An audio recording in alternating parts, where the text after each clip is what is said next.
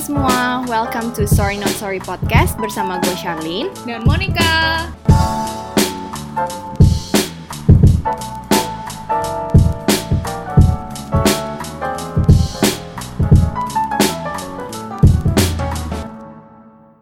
Hai, welcome to Sorry Not Sorry Podcast di episode yang baru lagi. Nah, di episode kali ini kita mau bahas sesuatu yang sangat menarik dan pastinya akan relate sekali buat kebanyakan dari kita yang dengerin podcast ini. Yes, betul. Nah, seperti yang kita ketahui nih, kehidupan sebagai yang adult itu kan susah-susah gampang ya. Hmm. Di satu sisi kan kita sering kali berpikir bahwa orang dewasa atau being an adult itu means kamu itu tahu semuanya. But sebenarnya itu being adult juga mereka juga experimenting gitu loh. Jadi nggak ada exact guideline atau jawaban yang pasti tentang semua hal. Jadi pada kenyataannya itu sebenarnya menjadi seorang orang dewasa itu juga bisa buat kesalahan karena mereka juga belajar dan akan tetap terus belajar. Semakin banyak asam garam yang dia dapatkan, semakin membentuk orang tersebut menjadi pribadi yang lebih bijaksana, lebih dewasa, dan lain sebagainya. Nah, yang aku realize dalam proses pendewasaan diri ini banyak banget orang-orang atau anak yang memiliki tantangan dalam menjalin relasi sama orang tua mereka masing-masing. Yes, jadi di episode kali ini kami mengundang seorang tamu yang berprofesi sebagai seorang konselor yang sering menangani permasalahan-permasalahan yang dihadapi oleh teenagers, yang adult, dan lain-lain sebagainya. Jadi hari ini kita ingin berbincang-bincang sejenak mengenai topik yang sangat relatable bagi yang adult, salah satunya adalah parent-child relationship. Hai Kak Wanda, welcome to Sorry Not Sorry Podcast. Makasih banget loh udah menyediakan waktu luangnya untuk mau ngobrol bareng sama gue dan Monica. Thank you ya Kak. Mungkin Kak Wanda bisa start buat memperkenalkan diri? Ya, halo. Aku kenalin dulu ya. Iya, iya. Oke, oke, oke, oke. Makasih ya, tunggu bilang makasih dulu dong. Makasih Monica Charlene udah mengundang untuk podcast ini. Iya. Sama. Aduh guys, kalian harus lihat mukanya deh. kayak makasih ya gitu tuh kayak uh. Aku langsung aja perkenalan Oke, oke, diri. boleh, Oke, boleh, siap. boleh, boleh, silakan. Ya, nama saya Wanda Tanya Tumbelaka, panjang banget memang benar. Em, aku ini adalah seorang online counselor sih saat Hmm. ini karena ya lagi PSBB, kita harus jaga jarak ya, semuanya Hmm. jangan deket-deket. Iya. Betul. Terus em, sebelumnya nih aku kerja sebagai seorang mentor buat remaja Hmm. dan sering kali ya mengalami persoalan anak remaja sama orang tuanya. Hmm. Juga jadi konselor buat tingkat TK, SD, Oke. SMP dan SMA. Salam kenal semuanya. Jadi kompeten banget ya ini tamu kita saat ini. Oke, sebelum kita masuk ke topik kita, boleh cerita nggak eh, kira-kira kenapa sih katanya bisa Kak Wanda ya? Katanya apa Kak Wanda nih manggilnya? Kak Wanda, Oke, saya masih Kak. muda. Oke, oke, oke, oke, oke. Kenapa nih Kak Wanda mau menggeluti bidang ini? Apakah ada alasan di balik itu? Dan ceritanya gimana sih sampai posisinya di posisi yang sekarang sebagai konselor?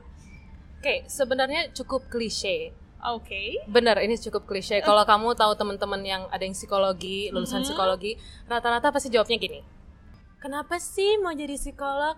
Oh iya, soalnya waktu zaman sekolah banyak temen yang curhat. Gitu. Oh, oke, gitu. Jadi kita mendapatkan jati diri kita dari teman-teman yang curhat. Jadi terima Oke. kasih teman-teman yang suka mencurhat. Ya, jadi menemukan jati diri. Selain itu juga terinspirasi sama mama, mama juga psikolog. Oh. Bisa bayangin betapa serunya sih. Sama psikolog, anaknya juga belajar hal yang sama, nanti bisa diskus. Bener, bisa gibah, eh salah, ngomongin orang gitu, bisa mendiskusi kasus gitu. Bisa brainstorm bareng. benar, benar. Dalam kurung gitu gibah. kan. Betul, dalam kurang gibah. Kalau orangnya negatif banget, nganggapnya gibah. Oh, Nah, iya, tapi iya, enggak iya. kok. Bisa, bisa. Oke, mungkin langsung aja kali ya kita bisa lanjut ke pertanyaan. Mm-mm. Tapi sebelum kita masuk ke topik parent-child relationship, ada beberapa hal nih yang mau aku tanyain dulu sebelumnya. Eh, pertama-tama kira-kira apa sih common problems yang sering dihadapi oleh yang adults? Common problems. Kalau yang adults itu kan umur sekitar 19 sampai 20-an ya. Common problemsnya sih biasa dalam mencari bukan ya jati diri ya sih, tapi lebih ke arah karirnya apa, Hmm. kehidupan sosial seperti apa, rancangan masa depan bagaimana. Makanya ada istilah quarter life crisis. Iya, baru mau ngomong. Uh. Mm-mm. Jadi itu memang masalahnya kalau anak-anak yang adult sekarang. Anak-anak, astaga aku juga yang adult, maaf. Oh, iya. Enggak anak-anak ya. Aku juga, untuk yang kita juga adults. kok. kita masih 20-an. Betul betul oh betul. gitu. Oke oke oke. Selanjutnya. Aku juga pengen nanya nih mengenai peer pressure. Kayaknya udah sangat normal banget ya kalau yang adults itu suka dihadapkan dengan pe- peer pressure. Ada Mhm. adanya ekspektasi di mana umur sekian udah ada achievement ini itu gitu. Terus kayak umur sekian udah menikah, umur sekian udah punya anak. Padahal kita semua juga tahu kalau udah tahu gitu, kita juga punya ekspektasi itu juga. Tapi kan kadang-kadang keadaannya berbeda ya. Iya. Biasanya apa sih saran Kawanda untuk membantu para yang adults ini yang terbebani oleh peer pressure? Peer pressure. Iya. Oke. Sebenarnya banyak orang bilang kalau peer pressure ini adalah hal yang negatif. Sebenarnya itu hal yang cukup lumrah ya. Hmm. Karena memang bawaannya kalau udah apalagi udah yang adults ya, udah ada keinginan untuk berkontribusi di masyarakat. Hmm, berat ya? Jadi oh ya, contribute to society lebih berat lagi kalau di bahasa Inggrisnya. Tapi aku kan orangnya Indonesia banget ya, Oh, jadi oke. kayak Oke, lanjut. Tadi ngomong apa? Oh, kontribusi sosial. Oke. Hah? Jadi udah pasti efek dari tuntutan sekitar tuh lebih kenceng. Hmm. Kenapa aku bilang orang banyak yang bilang negatif? Ya, umumnya orang akan bilang peer pressure untuk menyalahkan orang lain gitu kayak Oh. aku gini tuh gara-gara peer pressure loh karena teman-temanku semuanya begini. Nah, Hmm. itu Padahal- sering banget ya. Iya, padahal itu bisa jadi hal yang positif. Hmm. Kalau kamu dikelilingin sama orang-orang yang tepat, Hmm. ya peer pressure-nya akan ngarah situ. tergantung Gitu. orang-orang yang sekitar kita juga ya. Bener, jadi Hmm. tergantung juga sih. Jadi kalau menurutku sarannya adalah you have to surround yourself with the right people. Ya, Oke. Jadi pressure yang kamu dapat itu memang sesuai. Cuman sebelum you surround yourself with the right people, you have to know what you want first. Hmm. Supaya ketika terjadi perubahan, kamu bukan nyalahin orang, tapi kamu sadar penuh kalau kamu milih untuk menjadi seperti itu. Oke oke. Jadi lebih ke lihat diri sendiri gitu ya. Benar, awalnya harus tahu dulu diri sendiri maunya apa. Ada nggak sih akibat dari peer pressure yang dialami oleh yang adults ini? Apakah uh, Kawanda bisa cerita beberapa kasus atau apalah yang menurut Kawanda menarik gitu dari pengalaman? Peer pressure ya. Apa ya contohnya ya? Sebenarnya banyak banget sih. Pasti kalian sendiri juga udah tahu kan? Pernah mengalami yang namanya peer pressure Oh, kan? sering, Iya sering. iya iya iya. Iya, pasti ada gambaran. Saya kalau mau ditanya gitu kayak tiba-tiba nggak keluar gitu. Mungkin contohnya kayak aku aja dulu ya. Dulu aku tuh suka main sama orang-orang yang uh, gamers. Padahal ya ya aku suka main game sih, cuman nggak sedalam-dalam itu. Tapi ketika aku disurround sama orang-orang yang mengenal game secara mendalam bahkan sampai hafal dialognya dan segala macamnya, ya di dalam Wow. gamenya, aku ke pressure gitu untuk menjadi sama seperti itu. Oh, iya, iya. Padahal sebenarnya eh, itu nggak signifikan dengan apa yang kukerjakan sih. Ujung-ujungnya kan psikolog harus ya konselingin orang gitu. Ya memang membantulah untuk aku mengenal dunia itu, cuman nggak nggak signifikan juga. gitu. Ya contoh-contohnya hal-hal kayak gitu. Iya Oke, sih. oke. Mungkin kadang juga mencari komunitas yang tepat itu juga challenging juga kan Benar, benar. orangnya. Mm-mm. Jadi benar-benar butuh usaha juga dari orang tersebut untuk bisa mengelilingi diri dia dengan orang yang tepat gitu Bener ya. banget, Hmm. bener. Oke oke. Nah mungkin sekarang kita langsung masuk ke pertanyaan inti aja nih ya Oh, tentang Oke, parent sip. child relationship. Nah Oke. Eh, jadi aku kemarin ini sempat juga ngobrol dengan beberapa orang gitu dari teman-teman atau Mhm. mungkin dari saudara. Ternyata banyak banget anak-anak yang mempunyai masalah hubungan dengan orang tuanya. Sebelum kita go further details, apakah sebenarnya keharmonisan keluarga itu mempengaruhi hubungan antara parents dan anaknya? Misalnya contoh, orang tuanya harmonis, hubungan Mhm. dengan anak akan lebih baik. Kalau misalnya orang tuanya divorce misalnya, apakah hubungan dengan anaknya juga akan lebih sulit gitu? Ya itu akan kurang lebih sangat berpengaruh sih ya. Karena kan anak belajar dari orang tua, dari interaksi antara orang tua. Mm-mm. Gimana dia harus bersifat, bersikap gitu. Mm-mm. tergantung dari dia ngeliat papa mamanya seperti apa. Ya kalau ada masalah di rumah tangga itu akan membuat dia belajar juga kayak oh ternyata kalau begini jadinya ada yang marah, ternyata kalau gini ada yang gini. Sangat berpengaruh karena anak tuh dari kecil itu Di mencontoh, Iya. lebih mencontoh daripada mendengar Oh, gitu. oke, oke, oke, Jadi oke. semua tergantung memang orang tua itu istilahnya leaders lah. Hmm. Leaders di keluarga itu. Kalau mereka nggak bisa melit dengan baik, susah, ya di bawah-bawahnya juga akan sulit untuk ngelit dirinya Hmm. sendiri gitu. gue jadi inget nih kayak apa pernah gue pernah dengar kalau hubungan orang tua yang harmonis itu hadiah paling baik gitu buat anak gitu Mhm. Iya memang itu berkat sih ya. Hmm, iya. Cuman mm, untuk orang tua sebenarnya kalaupun dulu hubungannya nggak baik ya, masih bisa diperbaiki sih. Mau anak udah segede apa, toh ujung-ujungnya anak akan balik lagi ngelihat orang tua. Justru kalau misalnya orang tuanya berhasil untuk fix their problems, anak-anak bisa mau segede apa pun akan terinspirasi juga. Hmm, Jadi tetap ada harapan sih bagaimanapun juga. oke Sebe- karena kan sebenarnya di masa sekarang ini makin banyak ya orang tua yang mungkin single parents, Mhm, um, benar-benar. keluarga yang divorce gitu Hmm. loh, makin banyak. Tapi sebenarnya nggak nggak menutupi itu tuh sebenarnya bisa diperbaiki ya. Betul. As long as mereka mungkin menghadapi perceraian tersebut dengan dewasa. Jadi Mhm. mempentingkan anaknya gitu ya. Jadi istilahnya walaupun pisah, mungkin hubungannya tetap terlihat baik di depan anaknya. Mm-mm. Hmm, itu bisa jadi mixed messages juga sih. Memang kalau komunikasi bisa dijaga oke. Tapi kalau udah hubungannya misalnya dalam hal pernikahan, anak bisa dapat message yang berbeda juga kayak oh ternyata kalau bar kalau nikah nggak harus jadi bersama, toh bisa akur Oh. gitu loh. Jadi message-nya Iya, iya, iya, beda-beda yang bisa Beda-beda ditangkap. ya. Malah mungkin nanti gedenya anaknya jadi menganggap kayak oh perpisahan itu wajar gitu. Oh. Kita kan sebenarnya nggak ada yang ingin. Siapa sih yang ingin sebenarnya untuk iya iya pisah ya. ah benar itu sih. Jadi Oke. Pertanyaannya ada nih ini sering banget aku dengar dan mungkin aku juga pernah mengalami yang namanya perbandingan inter itu kakak dengan adik uh, ataupun dengan orang lain gitu. Mhm, Contoh mhm. kan aku apa punya kakak nih. Jadi kadang ngerasa oh kok kakak lebih di ini ya kayaknya lebih disayang ya. Padahal Oke. kakakku juga ngerasa hal yang sama. Kok adik lebih disayang ya gitu. Padahal sama aja itu. Dan aku rilis ada per- perbandingan yang beberapa tipe nih. Perbandingan dengan siblings kayak yang barusan aku bilang. Mhm, Apakah benar kalau orang tua punya anak favorit apa karena Mhm. ini lebih pintar, lebih cantik, apa lebih ganteng. Salah satu contoh kasus yang banyak terjadi mungkin perasaan salah satu anak yang merasa orang tuanya lebih pilih kasih daripada siblingsnya. mhm. Nah, ap- apakah kayak gini tuh biasa terjadi gitu? Kalau menurut Kawanda gimana soal hal ini? Apa yang harus dilakukan oleh anak ini? Misalnya ini bukan hanya sekedar perasaan, tapi mungkin orang-orang di luar sana juga bisa lihat hal yang sama gitu oke, terjadi gitu dalam keluarga Hmm. mereka. kita ngomong yang sekedar perasaan dulu ya. Oke. Ah, apalagi kita udah pernah jadi anak gitu.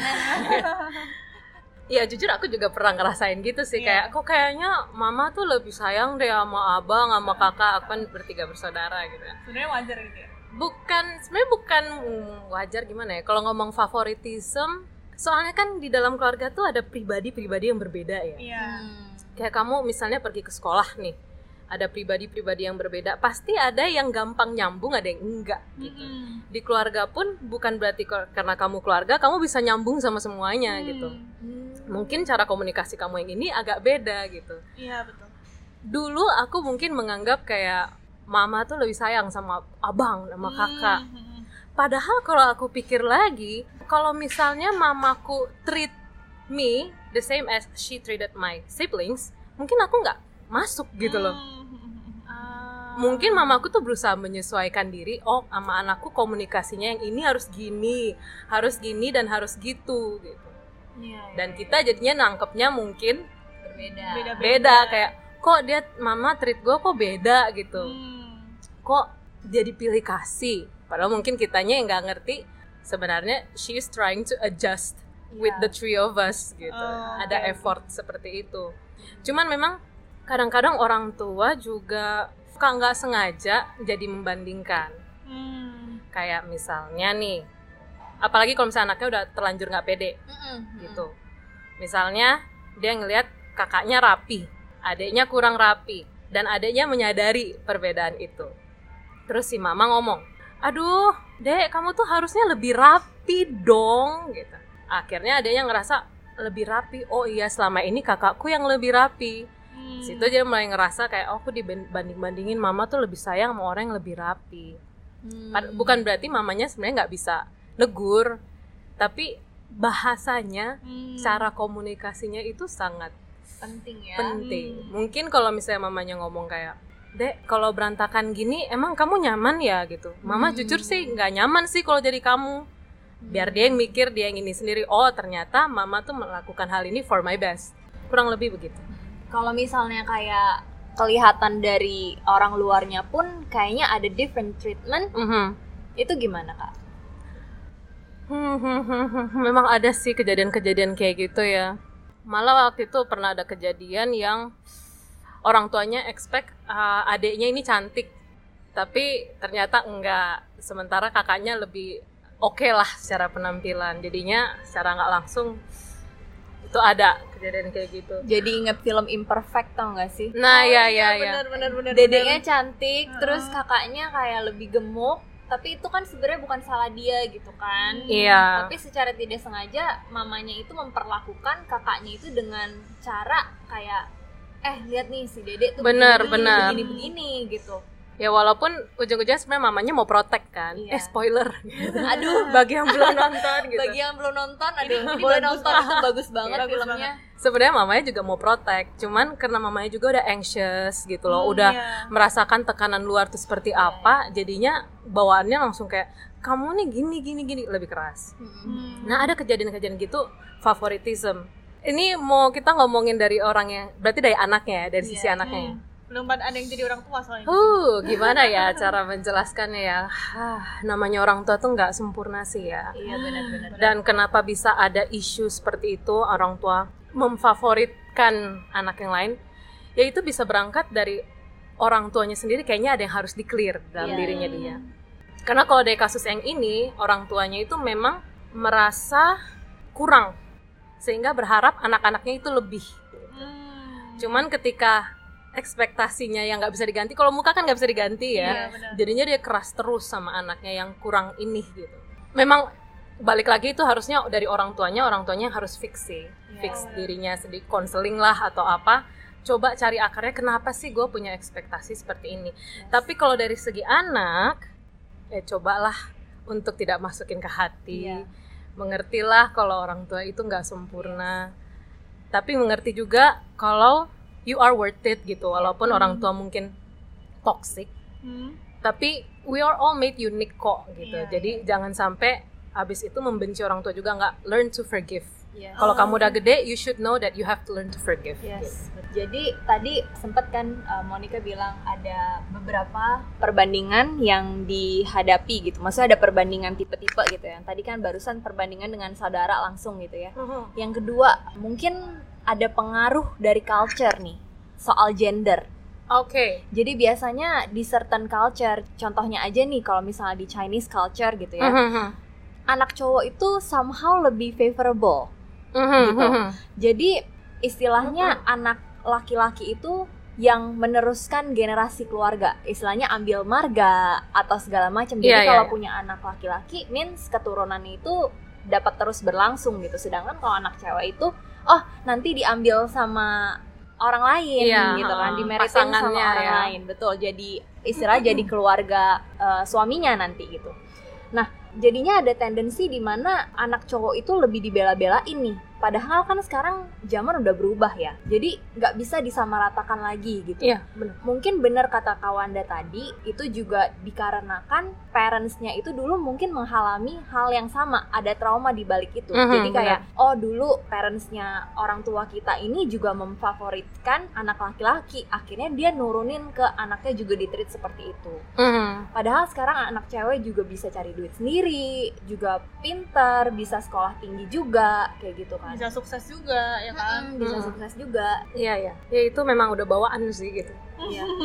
didikan turun temurun Mm-mm-mm-mm. memang agak susah hilangnya namanya juga culture ya soalnya culture memang agak berat mungkin sebenarnya orang tua kita misalnya orang tua yang opa oma kita misalnya Mm-mm. pressure kayak Yes. cowok tuh lebih daripada Yes. cewek mungkin dia yang sebagai cewek juga mengalami kayak "Ah, apa sih sih?" orang tua gua tapi Hmm. saat dia udah gede dia ngelihat oh iya ternyata memang secara sosial kelihatan signifikansinya kalau cowok tuh lebih gimana cewek lebih gimana. Tapi karena lalunya dia nggak bisa handle rasa pahitnya sama orang tua Hmm. akhirnya untuk mengkomunikasikan ke anaknya jadinya nggak sesuai gitu. Caranya jadi sama dengan cara orang tua yang lalunya gitu. Hmm, jadi mengulangi hal yang sama. Mengulangi nggak sengaja mengulangi hal yang sama karena that's all that they know how gitu Hmm. caranya ini ada juga nih perbandingan terhadap orang lain di mana kayak mungkin membandingkan anaknya dengan anak saudara mungkin atau Lebih anak pinter, teman, ya ya. nih yang ini lebih pinter atau Hmm. lebih sukses udah kerja di mana? kayak gitu. Dan itu kelihatan gitu loh dari luar. Padahal tindakan seperti ini kalau kita jadi anaknya pasti juga nggak suka kan? Iya benar. aku juga nggak nyalahin gitu orang tua. Memang pasti banyak orang tua sendiri yang pengen anaknya yang terbaik punya ekspektasi tersendiri gitu. Dan nggak ada yang pengen lihat anaknya menderita lah atau nggak sukses lah atau apalah kayak gitu Ah, aku pernah tuh di posisi yang awkward itu. Yang nggak enaknya adalah temenku yang dibandingin ke aku sama orang tuanya. Jadi agak gak enak. Aduh kamu harusnya lebih ini dong kayak si Wanda lebih ini. Ah, kayak pengen tiba-tiba mundur terus menghilang gitu. Iya terus rasanya kayak aduh kalau gue bilang iya gue kayak mengkhianati teman gue gitu kan. Kalau gue bilang enggak nanti jadinya awkward karena itu orang tua gitu serba salah ya Aduh serba salah sih. Ya itu harus ngerti juga sih kenapa orang tua sangat memfokuskan. Biasanya mereka kalau bandingin itu adalah hal yang mereka anggap penting. Misalnya kamu nilainya lebih tinggi dong daripada si ini gitu. Hmm. Kamu lebih ya lebih tinggi misalnya nilainya. Kita sebagai anak tuh harus harus lihat dari sisi orang tuanya. Kenapa menurut orang tua gua nilai itu penting ya gitu.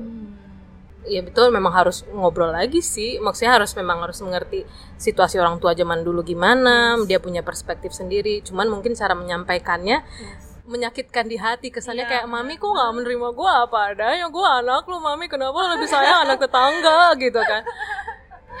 Sabar-sabar ya. Ya orang tua memang nggak sempurna. Tapi sabar-sabar aja. Memang kadang-kadang kalau ngomong juga karena udah merasa akrab orang tua nggak nganggep, nganggepnya kan kayak ini kan anak sendiri ya gitu suka nggak hati-hati lagi gitu aja sih udah kelewat gitu. batas istilahnya gitu Iya, ya. kalau mau, kalau misalnya orang tuanya memang orang yang terbuka belak-belakan, Mm-mm. ngomong aja gitu kayak, mam, aku tuh jujur nggak suka sih mama gini gini gini gini gini. Hmm. Yes, Nggak yes. masalah karena orang anak juga punya hak buat ngomong, Yes. tapi caranya harus sopan. Pan. Tapi gimana pun namanya orang tua ya Iya. orang tua kita. Aku jadi inget nih soal perbandingan sama orang lain gitu mungkin kayak ini juga pernah aku alamin gitu kan karena aku tuh orang tua aku pasti kan pengen nih orang tua zaman dulu anaknya masuk ekonomi kayak anaknya apa tuh ekonomi Hmm. akuntansi aja gak bisa ya Allah gitu kan terus akhirnya aku milih jurusanku sendiri jurusannya which is desain dan jauh banget kan Mhm. beda beda langit sama bumi gitu terus akhirnya pertama-pertama tuh kayak pada apaan sih kuliah kayak begitu Tuh dapat uang. Oh gitu iya kan, kan ya. orang orang dulu kan mikirnya kayak gitu ya kalau papa mungkin kayak santai aja ya udah Heeh.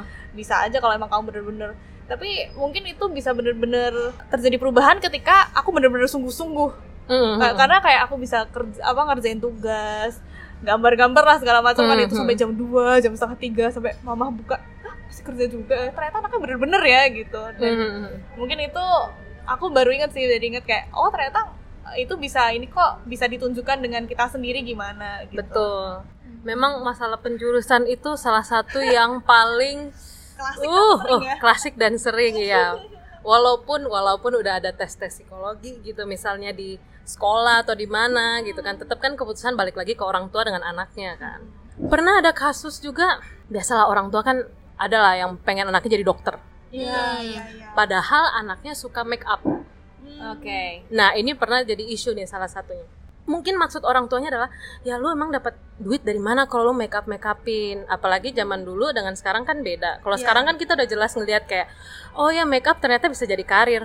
Dulu mana ada di YouTube, mana ada YouTube malah gitu kan. Jadi orang tua juga nggak ada gambaran kayak, emang karir kayak gini nih possible gitu. Akhirnya anak ini ujung-ujungnya adalah pergi kedokteran. Hmm. Tapi ketika satu tahun awal karena dia tahu, aduh aku nggak ada minat di sini, nilainya anjlok, akhirnya malah stres, akhirnya malah DO. Baru orang tuanya akhirnya mikir, "Ah, ya udah deh, masukin anaknya ke jadi makeup stylist lah kalau dia mau. Abis saya juga menyesal, memang orang tua ujung-ujungnya nyesel lah udah maksain gitu iya. ya. Walaupun mungkin dia niatannya baik, tapi ujung-ujungnya dia lebih sukses jadi makeup stylist gitu. Memang banyak sih kejadian. Memang harus di buktikan ya buktikan Iya. dan ditelaah kadang orang tua juga tegangnya itu kan emang lu beneran bisa soalnya kita waktu masa remaja tuh kan masa mut-mutan iya jadi orang tua gampang nggak percaya gitu kan Nah, betul, iya benar sama kita waktu kita udah ngeliat oh aku mau ini bisa jadi tiga hari kemudian kita ngomong nggak sih aku lebih suka ini ya gimana mau percaya ujung-ujungnya gitu. Mereka anggapnya juga kita masih labil gitu. Benar ha-ha.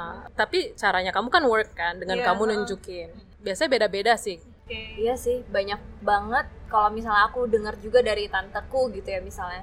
dia sering banget juga ngomong iya nih takutnya hobinya ini atau kesukaannya Mm-mm, ini itu mm-mm. cuman anget-anget ay ayam nih Mm-mm. aku belum mungkin juga sebagai orang tuanya mungkin belum bisa percaya ya dengan anaknya itu sebenarnya karakternya gimana benar kayak apakah bener sih ini dia niat ya mau bener-bener diterusin atau diseriusin kayak Mm-mm, gitu mm-mm. Oke deh, berarti jadi kesimpulannya itu kadang orang tua sendiri pun point of view-nya juga nggak bisa selalu dibilang benar ya. Jadinya ada faktor-faktor lain yang menyebabkan hal tersebut, misalnya kayak culture, benar didikan orang tua pada zaman pengalamannya dahulu, juga pengalaman Benar, orang tua benar. lalu Heeh, heeh, heeh. Nah, misalnya nih orang tuanya udah terpengaruh culture atau segala macamnya nih kan, ada nggak sih yang bisa dilakukan oleh anak nih supaya orang tuanya itu bisa keluar dari persepsi yang salah nih?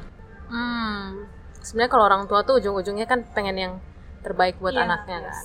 Harus dikomunikasikan sih. Balik lagi ya semua komunikasi. Balik ke ya. situ. Memang soalnya bayangin deh dia sebagai orang tua waktu anak masih baby nggak bisa ngomong. Orang tua pasti terbiasa menebak-nebak gitu loh. Iya, Kayak anak nih butuhnya apa, anak nih butuhnya kalau gedenya komunikasi nggak dibiasakan, ya ujung-ujungnya orang tua juga nggak ngerti gitu anak ini Hmm, maunya apa. yes. Mungkin awalnya komunikasi harus dari orang tua, tapi kalau kita udah gede, itu tanggung jawab kita juga untuk komunikasi ke mereka, Yes, betul, cerita gitu. betul, betul. Pada ujung-ujungnya ada juga temenku yang orang tuanya punya ekspektasi Mm-mm. yang bikin dia pressure, dia akhirnya ngomongin ke orang tuanya juga bisa fine, orang tuanya dengerin, oh iya ya udah mami nggak akan kayak begitu lagi gitu. Mm-mm, mm-mm. Mereka juga butuh tahu gitu loh Yes. perspektif kita tuh seperti apa sebagai Mm-mm, anak. mm-mm. Tapi memang orang tuanya harus siap-siap terbuka dulu ya. terbuka dan jangan sampai jadi take it personal dan merasa kayak gila gue gagal ya gitu sebagai orang tua karena ternyata anak gue terluka selama ini enggak gitu yes, loh. Yes, yes, yes, benar. mungkin kayak gitu harus bisa berusaha mengenali apa ya kayak karakter orang tuanya juga kali ya Bener, kira bener. harus ngomong dengan cara seperti apa Cocoknya gimana bener. Ha-ha. apakah mama atau papa ini lebih suka ngomong kita ngomong jujur belak belakan atau Betul. sambil makan atau apa Iya, gitu. Iya. itu juga matters. Iya iya iya. Oke. Mungkin dari sisi sebaliknya juga nih, kadang seorang anak tuh belum bisa lihat sisi baik yang mau diberikan oleh orang tua. Makanya Hmm. banyak yang berantem atau ribut gitu, apalagi di masa-masa remaja. Mhm. banyak anak yang berpikir dia tuh udah cukup tahu sama dunia ini, padahal apa yang dilihat lagi itu yang dan diajarkan tuh udah bener sama orang tuanya. Tapi anaknya aja yang sok tahu itu. Gimana sih ngeresponinnya? Ketawa loh Ngeresponin siapa dulu nih anaknya? anaknya biasa gitu tuh kayak lagi remaja SMA gitu kuliah gitu wow aku sudah tahu dunia ini gitu Berarti sebagai anak harus gimana sama orang tua? ya itu mungkin dan sebaliknya juga Ya jangan sok tahu deh guys. Kalau sebagai anak ya jangan sok tahu. Ya belajarlah untuk mengenal orang tuanya juga gitu loh. Hmm. Kayak kenal lah dunia kerja orang tuamu tuh seperti apa, mulai nanya-nanya. Mereka wah, ya memang harus tahu sih orang tuanya modelnya gimana. Hmm. Tahu bahasa kasih ya? Hmm, ya, Hmm, tahu tahu. Iya. Misalnya orang tuanya memang tipe yang suka quality time, Hmm. coba deketin mereka dengan quality time Hmm. gitu. Belajar mengenal orang tuaku tuh sebenarnya tuh kayak gimana sih, kenapa dia bisa sampai punya perspektif Iya. seperti ini. Karena kan bisa jadi kasusnya beda. gitu. Hmm. Kasusnya beda, tapi mirip-mirip sehingga orang tua ngasih saran yang tepat buat orang tua, tapi di kita kayaknya nggak tepat karena Hmm. situasi agak beda. Iya, iya. Balik lagi komunikasi, memang harus bangun hubungan lagi sama orang tua kita kayak gimana. Rata-rata komunikasi ya memang paling penting ya. Bener, iya itu paling bener banget. Mm-mm. Dan eh, memang tantangan buat anak remaja, karena apalagi kalau misalnya dari masih kecil-kecil gitu SD TK nggak biasa buat membicarakan hal-hal yang personal personal, yang deep, yang sifatnya dewasa gitu. Jadinya mau ngomong sama orang tua awal-awal tuh mungkin oh, Aduh, oh, word, banget gimana kayak ya, gimana Iya, ya, gitu. bisa-bisa aku kelihatan kayak sok tahu beneran gitu. itu sih. Oke. Nah, Kalau menurut Kawanda gitu ya, memanjakan anak itu baik nggak sih? Misalnya nih, eh, ada level-levelnya nggak? Misalnya memanjakan anak untuk level sekian itu oke, sampai level sekian itu udah nggak baik nih, udah toxic nih. Gitu. Hmm, oke. Kan ada yang nonton ini nggak film Korea Komunyong si Nonton. It's Nonton okay, banget. It's okay to not be okay ya, ya, ya benar. Psycho ya. but it's okay ya, ya, ya. Kita tuh baru bahas tentang ini kemarin. Literally kemarin. Kemarin kita gitu. baru ngobrol-ngobrol. Jadi gimana gimana? Nah, nah, si Komudyongnya kan ada jadi lucu nih kayak ngomongin kita lagi review apa sih sebenarnya review film Korea. Tapi ada yang bagus. Dia kan bikin cerita-cerita gitu kan, cerita anak-anak. Ada yang satu yang The Monkfish itu, Iya. ya yang ceritanya anaknya lahir terus ibunya kasih oh makan. iya Pokoknya dimanjain bener-bener sampai akhirnya ceritanya gimana inget gak? Jadi istilahnya gara-gara si mamanya itu sering manjain anaknya, jadi anaknya nggak bisa ngapa-ngapain. Hmm, lumpuh Tangannya hilang. kan, Iya, dia betul, lumpuh, betul, terus akhirnya dibuang. Sebenarnya showing affection is okay, Mm-mm. tapi batasannya itu lebih ke kalau aku ngelakuin ini ini akan membangun anak atau enggak. Ah. gitu. Yang dilakukan ibu di film itu kan akhirnya malah bikin anaknya lumpuh gitu. Yes. Kalau lihat ceritanya sendiri, Komunyongnya jadi susah bersosialisasi karena terlalu dikurung sama ibunya juga Ah. gitu. Jadi fokusnya lebih ke situ sih. Kalau misalnya aku melakukan ini, dia akan terbangun Belajar ya? belajar apa enggak karena ada masa-masa justru memang butuh buat diayomin anak-anak gitu Mm-mm. misalnya ada melakukan kesalahan apa anak terus nangis ya pasti harus diayomin dulu dong tapi Yes. habis itu dikasih pelajaran Yes. tapi kapan ngayominnya dan kapan enggaknya itu beda-beda untuk setiap keluarga untuk setiap anak tuh beda-beda itu yang memang harus dipelajari keluarga masing-masing Iya. itu sih makanya ada konselor ya Nah benar, kalau misalnya udah ngerasa buta banget nih ya bagusnya sebenarnya ya itulah peran kita tuh sebenarnya cuma penyambung aja kok. Iya gitu. sih. Jadi ada kayak third party lah Iya, yang bisa nyambungin antara Orang anak ketiga dengan- yang Iya. lurus ya, orang Yes, ketiga yang yes. lurus, please. Iya benar, lurus itu penting ya. lurus, guys please. bisa kontak ya nanti Nanti, nanti kita promosiin, tenang tenang. Nah, eh, ini nih untuk nyambungin lagi gitu ya. Kadang kan kalau misalnya orang tua nih terlalu manjain, Hmm. istilahnya kebanyakan di dunia sekarang nih kayak di masa-masa sekarang ini banyak banget anak-anak yang nggak bisa mandiri gitu loh. Mhm. Istilahnya karena sudah terlalu dikasih semuanya, jadi nyaman mereka jadi kayak nggak ada daya juang. Hmm. Mhm. Dan aku lihat kayak di zaman-zaman sekarang nih banyak banget anak-anak yang kayak gitu. Mhm, mhm. Berarti itu balik lagi sebagai orang tua tuh harus mungkin ngajarin juga ke anaknya kayak perjuangan itu penting gitu loh. Iya, ha-ha. Benar. Jadi istilahnya semuanya itu nggak take it for granted gitu istilahnya. Jadi ya bagi anak-anak yang dengerin juga harus di dalam kehidupan kita sehari-hari juga nggak semua hal itu datang dengan gampang. Contohnya misalnya dengan kerjaan atau sebagainya. Mhm, mhm. Untuk mau kaya atau untuk mau dapat duit ya harus berjuang juga gitu loh. Duit berapapun yang dikasih akan habis juga gitu kan. Mhm. Kalau kalian nggak berusaha ya lama-lama bisa anjlok juga. Mhm. Iya, memang tantangan buat orang tua terutama zaman ini ya. Hmm. Kalian nyadar nggak sih, terutama kalau tinggal di kota tuh semua tuh everything happen so fast. Yes. Iya, betul. kita harus bisa cepat melakukan semuanya. Jadi terkadang-kadang orang tua misalnya yang sibuk kerja gitu, maunya instan, nggak take time untuk ngajarin anaknya. Misalnya nih anak mau ngapain kan harus di take time. Sementara kalau misalnya dia ada kesibukan lain, bisa akhirnya ah udah udah kamu ngelakuin ini lihat gadget aja atau lihat ini yes, aja atau lihat bener-bener. itu aja. Hmm. Ya, memang balik lagi yang namanya aduh parenting memang butuh waktu banget sih waktu dan komitmen ujung-ujungnya Gimana nih kalau tanggapan Kawanda soal orang tua yang keras terhadap anaknya? Ini kebalikannya Heeh, nih. kebalikannya. Oke. Kalau zaman orang tua kita masih muda, kan memang Mm. didikannya keras tuh. Ada yang Mm. bisa dipukul, dihukum lah, yang bikin anaknya nangis berjam-jam. Tapi sekarang kan udah nggak boleh tuh kalau kayak gitu. benar Bisa-bisa kalau ada yang kayak gitu dilaporin lagi sekarang. betul Tapi di sisi lain aku juga lihat orang tua yang keras dan tegas ke anaknya itu bikin anaknya punya mental yang kuat juga gitu. Batasnya sebenarnya gimana sih? balik lagi sih sama kayak yang tadi ya batasnya ya Hmm. ini membangun apa enggak Ah, gitu sangat nggak dianjurkan untuk menggunakan kekerasan karena kalau misalnya kita menghukum anak itu dengan kekerasan nextnya nggak mungkin anak langsung bener ya gitu kan nggak mungkin anak langsung kayak dikasih tahu besoknya Langsung ngerti, gitu. Nah, kalau misalnya kita membiasakan diri dengan menghukum dengan kekerasan, besoknya akan ada kecenderungan untuk memukul lebih banyak, Hmm. lebih keras, untuk nunjukin ini udah fatal loh, lebih kencang, lebih kencang. Awalnya mungkin nggak bermaksud seperti itu, tapi karena udah jadi terbiasa, naik level ya terus. makanya yang namanya dengan kekerasan itu sangat tidak dianjurkan. Selain itu, pasti akan menimbulkan trauma sekecil apa pun Hmm. gitu dan itu kan nggak kelihatan trauma akan lebih baiknya kalau misalnya kasih punishment itu yang relevan misalnya kalau kamu salahnya di anak-anak deh suka nyoret-nyoret dinding Hmm. gitu Kalau dipukul, menurut kamu mereka belajar nggak? Nggak. Malah merasa, oh ternyata gue nggak bisa fix kesalahan gue ya. Gue akan langsung dipukul. Kecuali kalau misalnya orang tuanya menghukum dengan cara hapus deh. Dia akan belajar kayak, oh ternyata kesalahan tuh ada konsekuensi dan gue harus berusaha Hapus. untuk menghapusnya Yes. gitu. Tapi ya punishment harus sesuai dengan usianya. Ya, Iya. kalau udah lebih gede, ya kasihlah yang agak lebih susah lah gitu kan. Ya suruh ngecat ulang atau apa ya.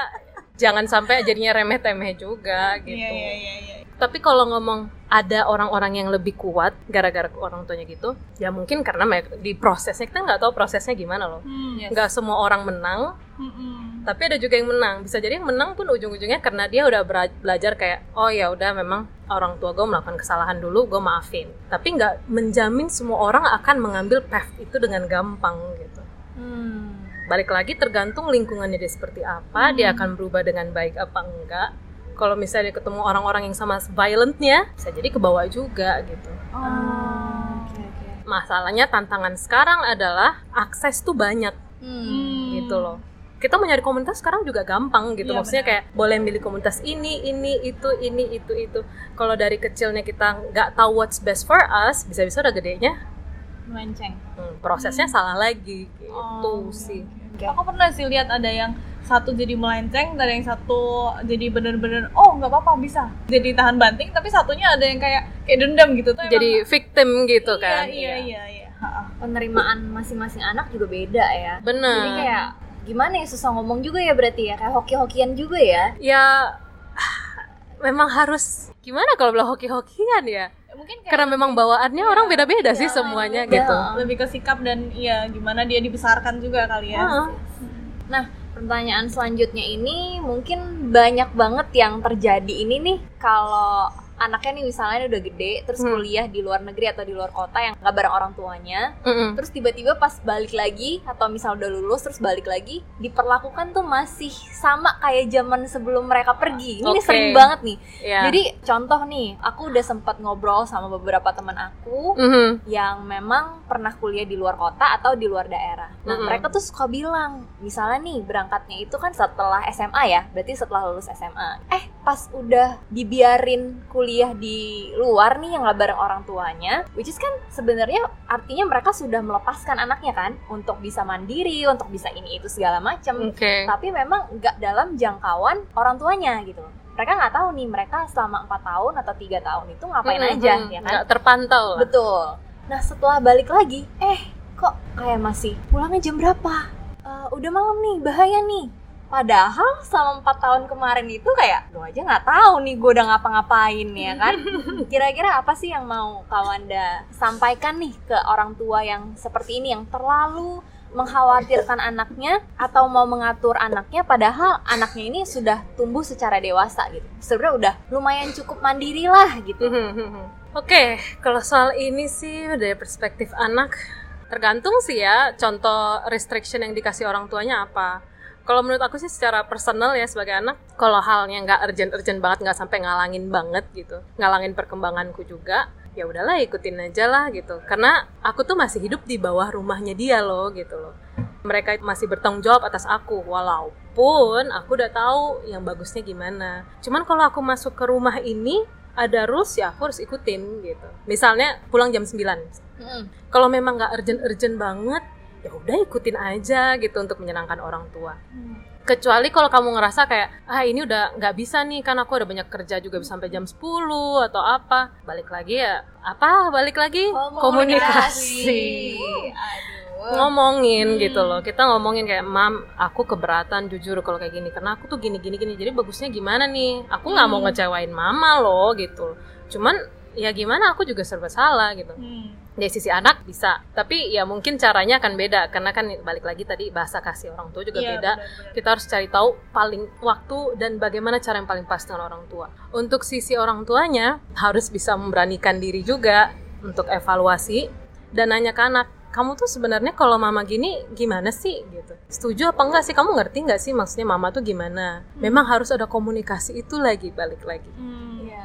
Berarti sebagai orang tua juga harus mencoba untuk ngerti anaknya juga lah ya. Maksudnya nggak selalu anak yang harus nurutin terus semua kata-kata orang tua 100%. benar Tapi dari sisi orang tua juga, oh iya mereka tuh udah gede loh. Mungkin Benar. juga proses penyesuaian orang tua dengan anak setelah mereka pulang lagi, balik lagi itu Mm-mm. butuh waktu gitu loh. Penyesuaian butuh waktu. Mm. Mungkin setelah sekian lama, mungkin mereka jadi, oh iya ternyata kan ya udah gede juga lah ya. Mungkin selama ini gue merasa kayak begini karena gue nggak ngeliat nih pertumbuhan anak Iya. gue benar itu gimana ya? Oh Mm-mm. ternyata pas udah dilihat-lihat setelah sekian lama, oh ternyata dia bisa menyelesaikan problem yang ada dengan secara dewasa gitu. Iya benar. Dan Ya. balik lagi sebenarnya orang kan bertumbuh kan. Ketika Yes, bertumbuh benar. kebutuhannya beda-beda. Dan itu yang sering kali sebagai orang tua miss out cara kita ngomong ke anak kita waktu masih SD Mm-mm. sama TK pasti akan berubah Beda, dengan waktu benar. SMP SMA. Waktu SMP SMA mungkin anak lebih butuh cara berbicara dengan teman. Mm-mm. Dia akan lebih nerima daripada waktu masih kecil masih lebih diarahkan. Yes, yes, Ya, yes. memang itu parenting is full time ya, full time dan sampai akhir pun harus bisa terus melihat perubahan ini dan ya menyesuaikan lah. Oke, untuk next question mungkin jawabannya akan ada Komunikasi. Di, iya, di komunikasi. Cuman oke lah kita bahas aja. Eh, trust itu kan esensial ya Benar. di semua tipe relationship gitu. Hmm. Gimana sih menunjukkan bahwa seorang anak itu patut untuk dipercaya padahal orang tuanya sendiri sebenarnya suka takut terjadi apa-apa yang ujung-ujungnya justru bikin anaknya tuh nggak bisa maju atau jadi terbawa untuk takut mencoba hal-hal baru. Kalau dari Hmm. pengalamanku kan eh, aku tuh agak-agak nakal ya dulu ya. Nah, terus aku tuh lebih ke arah kalau aku menunjukin sesuatu ya udah aku nekat aja gitu nekat aja terus jadi nunjukin ke mereka kalau mereka tuh nggak perlu takut dan itu men- menjadi pembuktian bahwa ini loh aku nggak apa-apa gitu aku fine fine aja gitu tapi sebenarnya idealnya tuh gimana sih gitu Sebenarnya kalau ngomong ideal, kalau ideal ya? yang enak sih ya Hmm. komunikasi gitu kan. Cuman caranya itu beda-beda.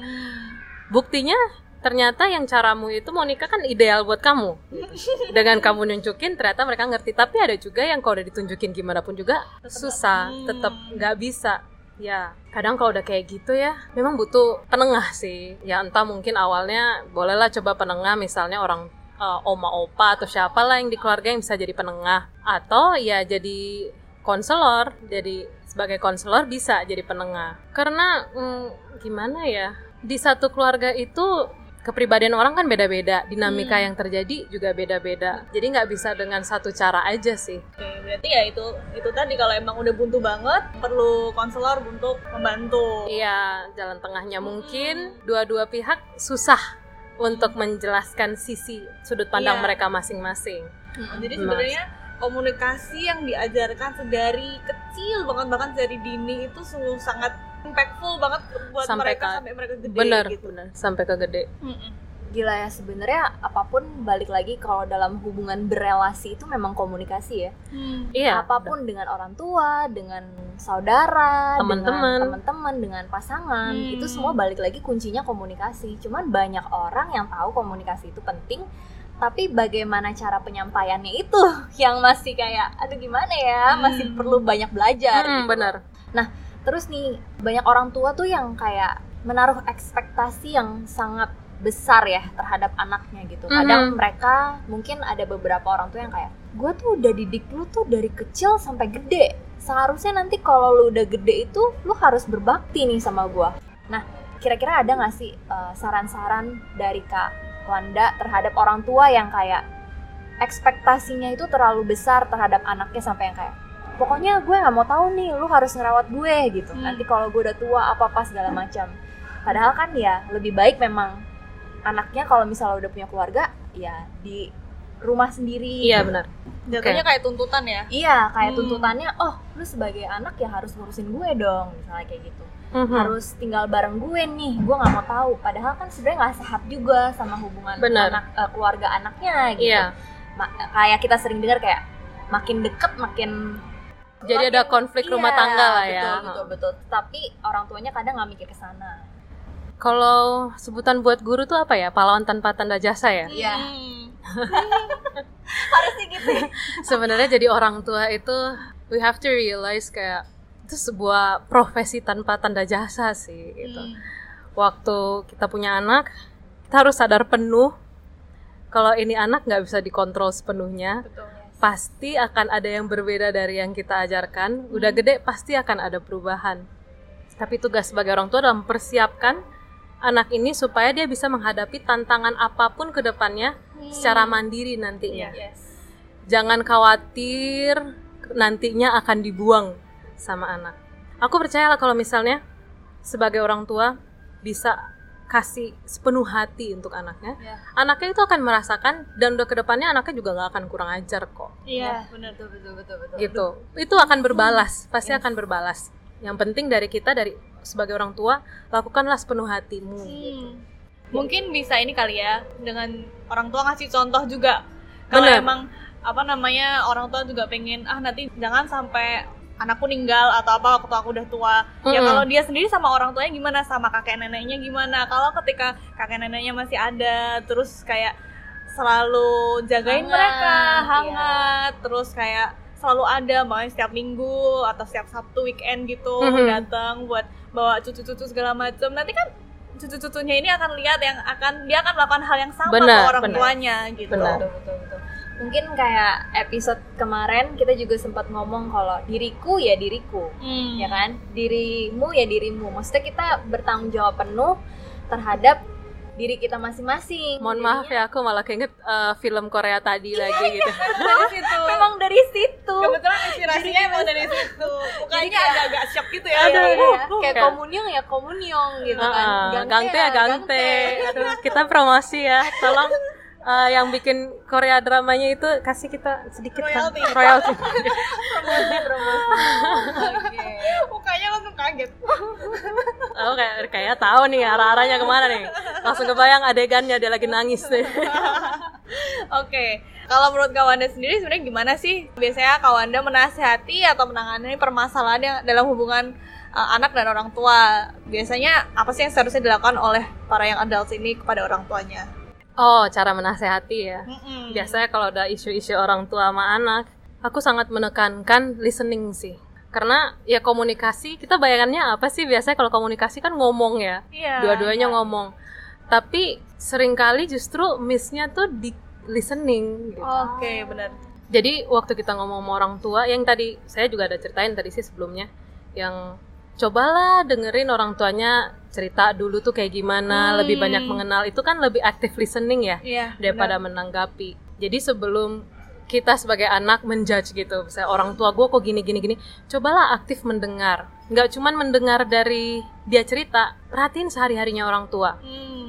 kapan sih orang tua aku tuh merasa kesel Hmm. apakah waktu misalnya ba- barangku nggak rapi ataukah waktu misalnya aku lagi sakit dari Hmm. situ kan kita bisa mendengar gitu mendengar tanda kutip oh ternyata orang tua gua tuh takut kalau gua sakit Iya. ke depannya kalau ada masalah gue tahu nih hati orang tua gue sebenarnya gimana dia takut gue sakit makanya dia ngelarang gue jadi Hmm. gitu memang harus aktif mendengar dan mengobservasi juga gitu. Jadi aktif mendengar dan mengobservasi itu supaya kita sebagai anak bisa tahu bahwa perspektif mereka tuh sebenarnya gimana. benar Apa sih Hmm. maksud mereka gitu? Apakah oh sebenarnya maksud mereka tuh baik Mm-mm. untuk Karena- memahami itu gitu. betul dan apalagi orang tua kan nggak semua bisa mengkomunikasi dengan baik Iya. mungkin juga nggak dibiasakan dulu Iya, iya. sebagai anak kalau kita udah tahu apa yang benar cobalah kita yang memahami sisi Iya. orang tua ini gimana gitu Oh iya, mungkin tanpa kan, dia harus menjelaskan mungkin kan banyak juga anak-anak yang kayak gengsi gitu. Nah, Mm-mm. itu common problem juga sih, gengsi buat ngomong sama orang tua, ah sebenarnya aku nih kayak begini atau kayak gimana gitu. Tapi kalau gengsi sih pilihannya dua sih. Mau begini terus apa enggak. Kalau mau begini terus ya nggak apa-apa. Piara aja gengsinya. Hmm, Tapi kalau mau Beneran? berubah jangan baik gengsi. iya tapi ada resiko. Mau Hmm. jalanin resikonya apa enggak. Kalau mau ya udah silakan gitu. Hmm. Karena gengsi itu bisa terjadi buat hal-hal simpel. Bahkan kayak say thank you bener. atau memuji atau say I love you gitu. itu salah satu aduh memang yang jadi isu ketika anak tuh jarang ngomong sorry thank Iya. you uh, I love you ya forgive me orang tua bisa nangkepnya kayak kok anak gua nggak sopan ya gitu. Iya. memang itu harus dibiasakan banget dan terbukti sangat bisa menyentuh hati orang tua. Iya, benar. Mam, maaf ya pak, maaf ya Hmm. pasti udah oh ya ampun anak gue minta maaf sama gue hati gue atau mungkin ada yang gengsi juga kayak Hmm. ah tapi sebenarnya hatinya luluh. gitu. Iya, iya, iya. Harus pandai-pandai menggunakan kata-kata itu. ya. Iya bener-bener dulu ya gue bisa cerita dikit sih Hmm. dulu tuh gue bukan tipikal orang yang kayak ngomong gitu cuman ada satu waktu gue memutuskan ah gue harus kasih affection buat orang tua Mhm. ngomong I love you lah apa kalau terima kasih lah dikit-dikit kayak gitu entah, entah sama papa papa kan pendiam tuh Mhm. tapi mama lah yang lebih talkative segala macam tapi dua-duanya aku lakuin sama dan itu bener-bener berubah maksudnya relationshipnya jadi lebih jauh lebih Mhm. hangat dan menyenangkan gitu mungkin buat teman-teman yang dengerin yang mungkin nggak terbiasa dengan itu kalau kalian berharap perubahan dari orang tua mungkin bisa berubah dari diri sendiri dulu gitu Benar. Hmm. Dari kebiasaan yang kecil banget iya sebenarnya. yang kecil gitu Tapi memang sih kayak di Chinese household gitu ya, kita tuh nggak terbiasa untuk show our affection. Oke. Kayak contoh di keluarga gue juga, maksudnya kita lumayan dekat gitu ya, bisa ngobrol. Thankfully bonyok gue lumayan open lah gitu. Maksudnya Mhm. kita bisa ngobrol terbuka dan bokap gue juga tipe orang yang kayak kalau misalnya dia salah dia juga kayak admit it gitu, Mhm. which is sangat oke lah gitu.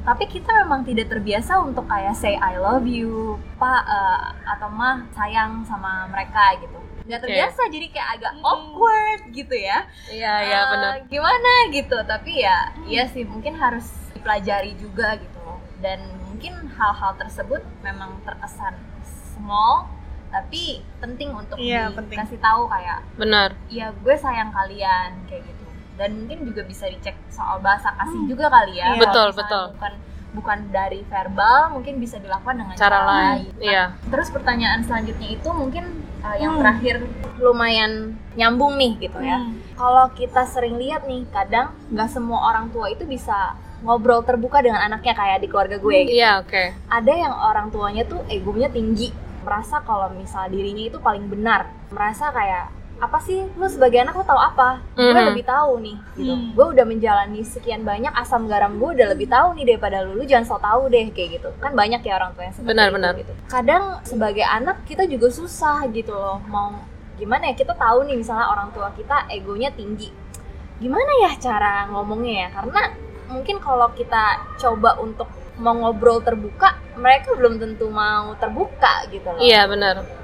Itu situasinya agak pelik sih kalau udah kayak gitu. pelik guys pelik pelik, pelik. bahasanya Iya. pelik. itu situasinya udah agak pelik memang kalau misalnya orang tua su- susah lah untuk mendengar atau men- Hmm. men- menerima masukan gitu. Yang situasi begitu yang biasanya butuh orang tiga ya konseling atau orang ketiga, tapi susahnya orang kayak gitu justru nggak datang ke Iya, konseling. belum tentu mau gitu loh mereka karena sama anaknya aja tuntut apalagi sama orang lain gitu. Iya, kecuali kalau memang dia trust banget Hmm. gitu dan memang menyadari kalau oh, kayaknya ada yang harus berubah Hmm. di rumah gua gitu. Kalau udah kayak gitu situasinya agak susah ya sebagai anak memang kita Pusing sebagai deh ya. anak yang harus membesarkan hati sih.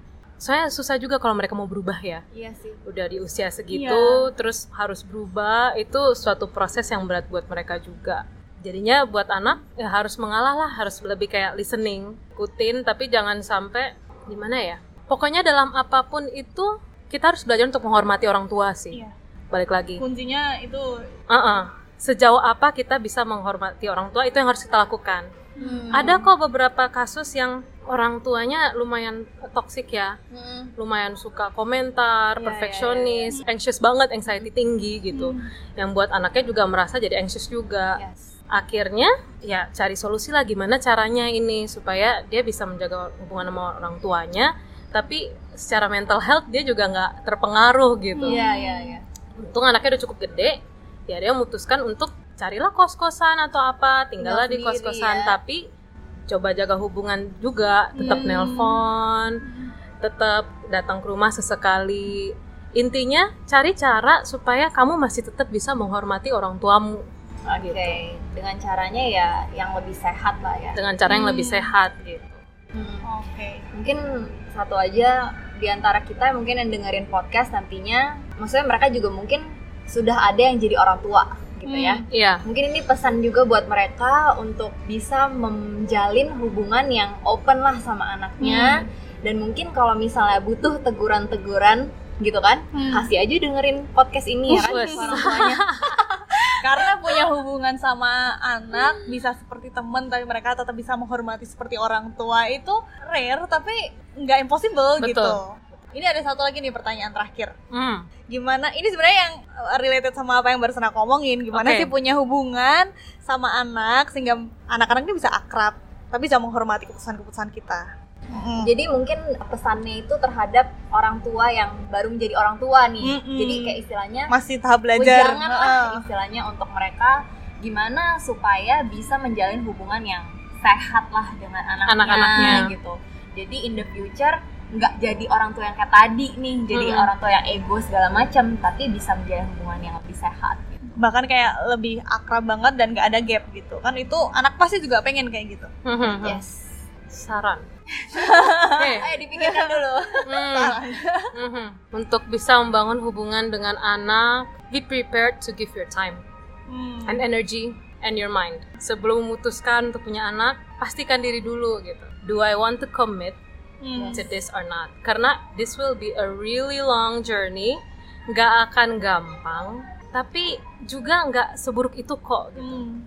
Kalau misalnya dijalanin dan setiap hari kita juga evaluasi diri, kan ya namanya orang kalau jadi orang tua atau ya kita sehari-hari pasti melakukan kesalahan. Iya. Asalkan kita berani untuk mengakui kita salah dan move Yes. on, pasti akan ada jalan sih. Hmm. Jadi do not worry, tapi kamu harus komit, sadar ada komitmen waktu yang harus kamu berikan. Hmm. Waktu, tenaga, dan pikiran. Sebisa mungkin ikutinlah seminar-seminar yang ada kan udah banyak ya seminar Iya, orang tua gitu-gitu. iya. Cobalah masukin banyak cara-cara, ide-ide belajar-belajar lah Hmm. dari orang lain juga belajar Betul. terbuka, harus bisa terbuka. belajar dari orang-orang yang memang mereka dalam kesehariannya udah bisa dibilang cukup sukses membesarkan Benar, anak gitu. benar. Jadi kita Harus bisa bisa open. gitu ya. Mindful parenting lah ya. istilahnya. Benar. Jadi kesimpulannya podcast ini itu keseluruhannya yang paling penting adalah balik lagi komunikasi. Komunikasi ya. Orang tua itu juga manusia, Benar. pasti punya kesalahan, nggak perfect dan menjadi orang tua itu adalah tugas yang sangat challenging ya. Very challenging. Jadi sangat challenging. Jadi maklumi saja kalau orang tua itu mungkin punya kesalahan. Mm-mm. Sebagai anak juga mencoba untuk mengerti juga dan Mhm. dan tetap menghormati. menghormati dan mungkin mencoba untuk terbuka maksudnya membuat komunikasi yang lebih sehat dengan Hmm. mereka dan pesan terhadap orang tua pun cobalah untuk lebih open minded bisa menerima kalau memang kita pernah berbuat kesalahan terhadap anaknya Mhm. komunikasikan lagi eh, maunya apa tujuannya apa sehingga dua-duanya itu bisa saling mengerti satu Hmm, sama benar. lain ya jadinya nggak ada gap gitu dan Betul. nggak ada tebak-tebakan. Yes. Betul, Kita asumsi. bukan, kita bukan shaman ya, bukan, Betul, dukun bukan ya. dukun. Tebak-tebakan itu emang tidak baik dalam segala macam relationship ya. Iya, Bener, karena itu sebenarnya relationship dengan diri sendiri kalau tebak-tebakan. Iya, iya. Kita bikin ide, kita jawab sendiri, kita melakukan sesuatu sendiri. Nggak, nggak produktif. kadang-kadang pengen ekspektasinya dari orang begini ternyata enggak. Ya. Harus berhati-hati, komunikasi. Gila, hari ini episode panjang banget. Kita udah siapin pertanyaan banyak banget ke si Kawanda. Thank you banget loh. Sama-sama loh. Iya. Semoga bermanfaat dan berfaedah ya. Iya. Bermanfaat Thank you ya, dan- Kawanda. Ya, thank you banget. Nanti kita juga akan kasih description Mm-mm. di podcast kita ke profilnya Kak Wanda. Oke. Nanti juga kalau misalnya ada teman-teman yang mungkin butuh curhatan, tempat curhat, I am open. Iya kan, bisa online consultation sama Kak Yes. Wanda. Semoga sukses terus ya Kak ya. Amin, terima kasih. Semoga Amin. sukses terus juga podcastnya. Amin, amin, amin. amin. Semoga bisa berfaedah. Iya, So, benar. Talk to you guys soon. Bye. Bye.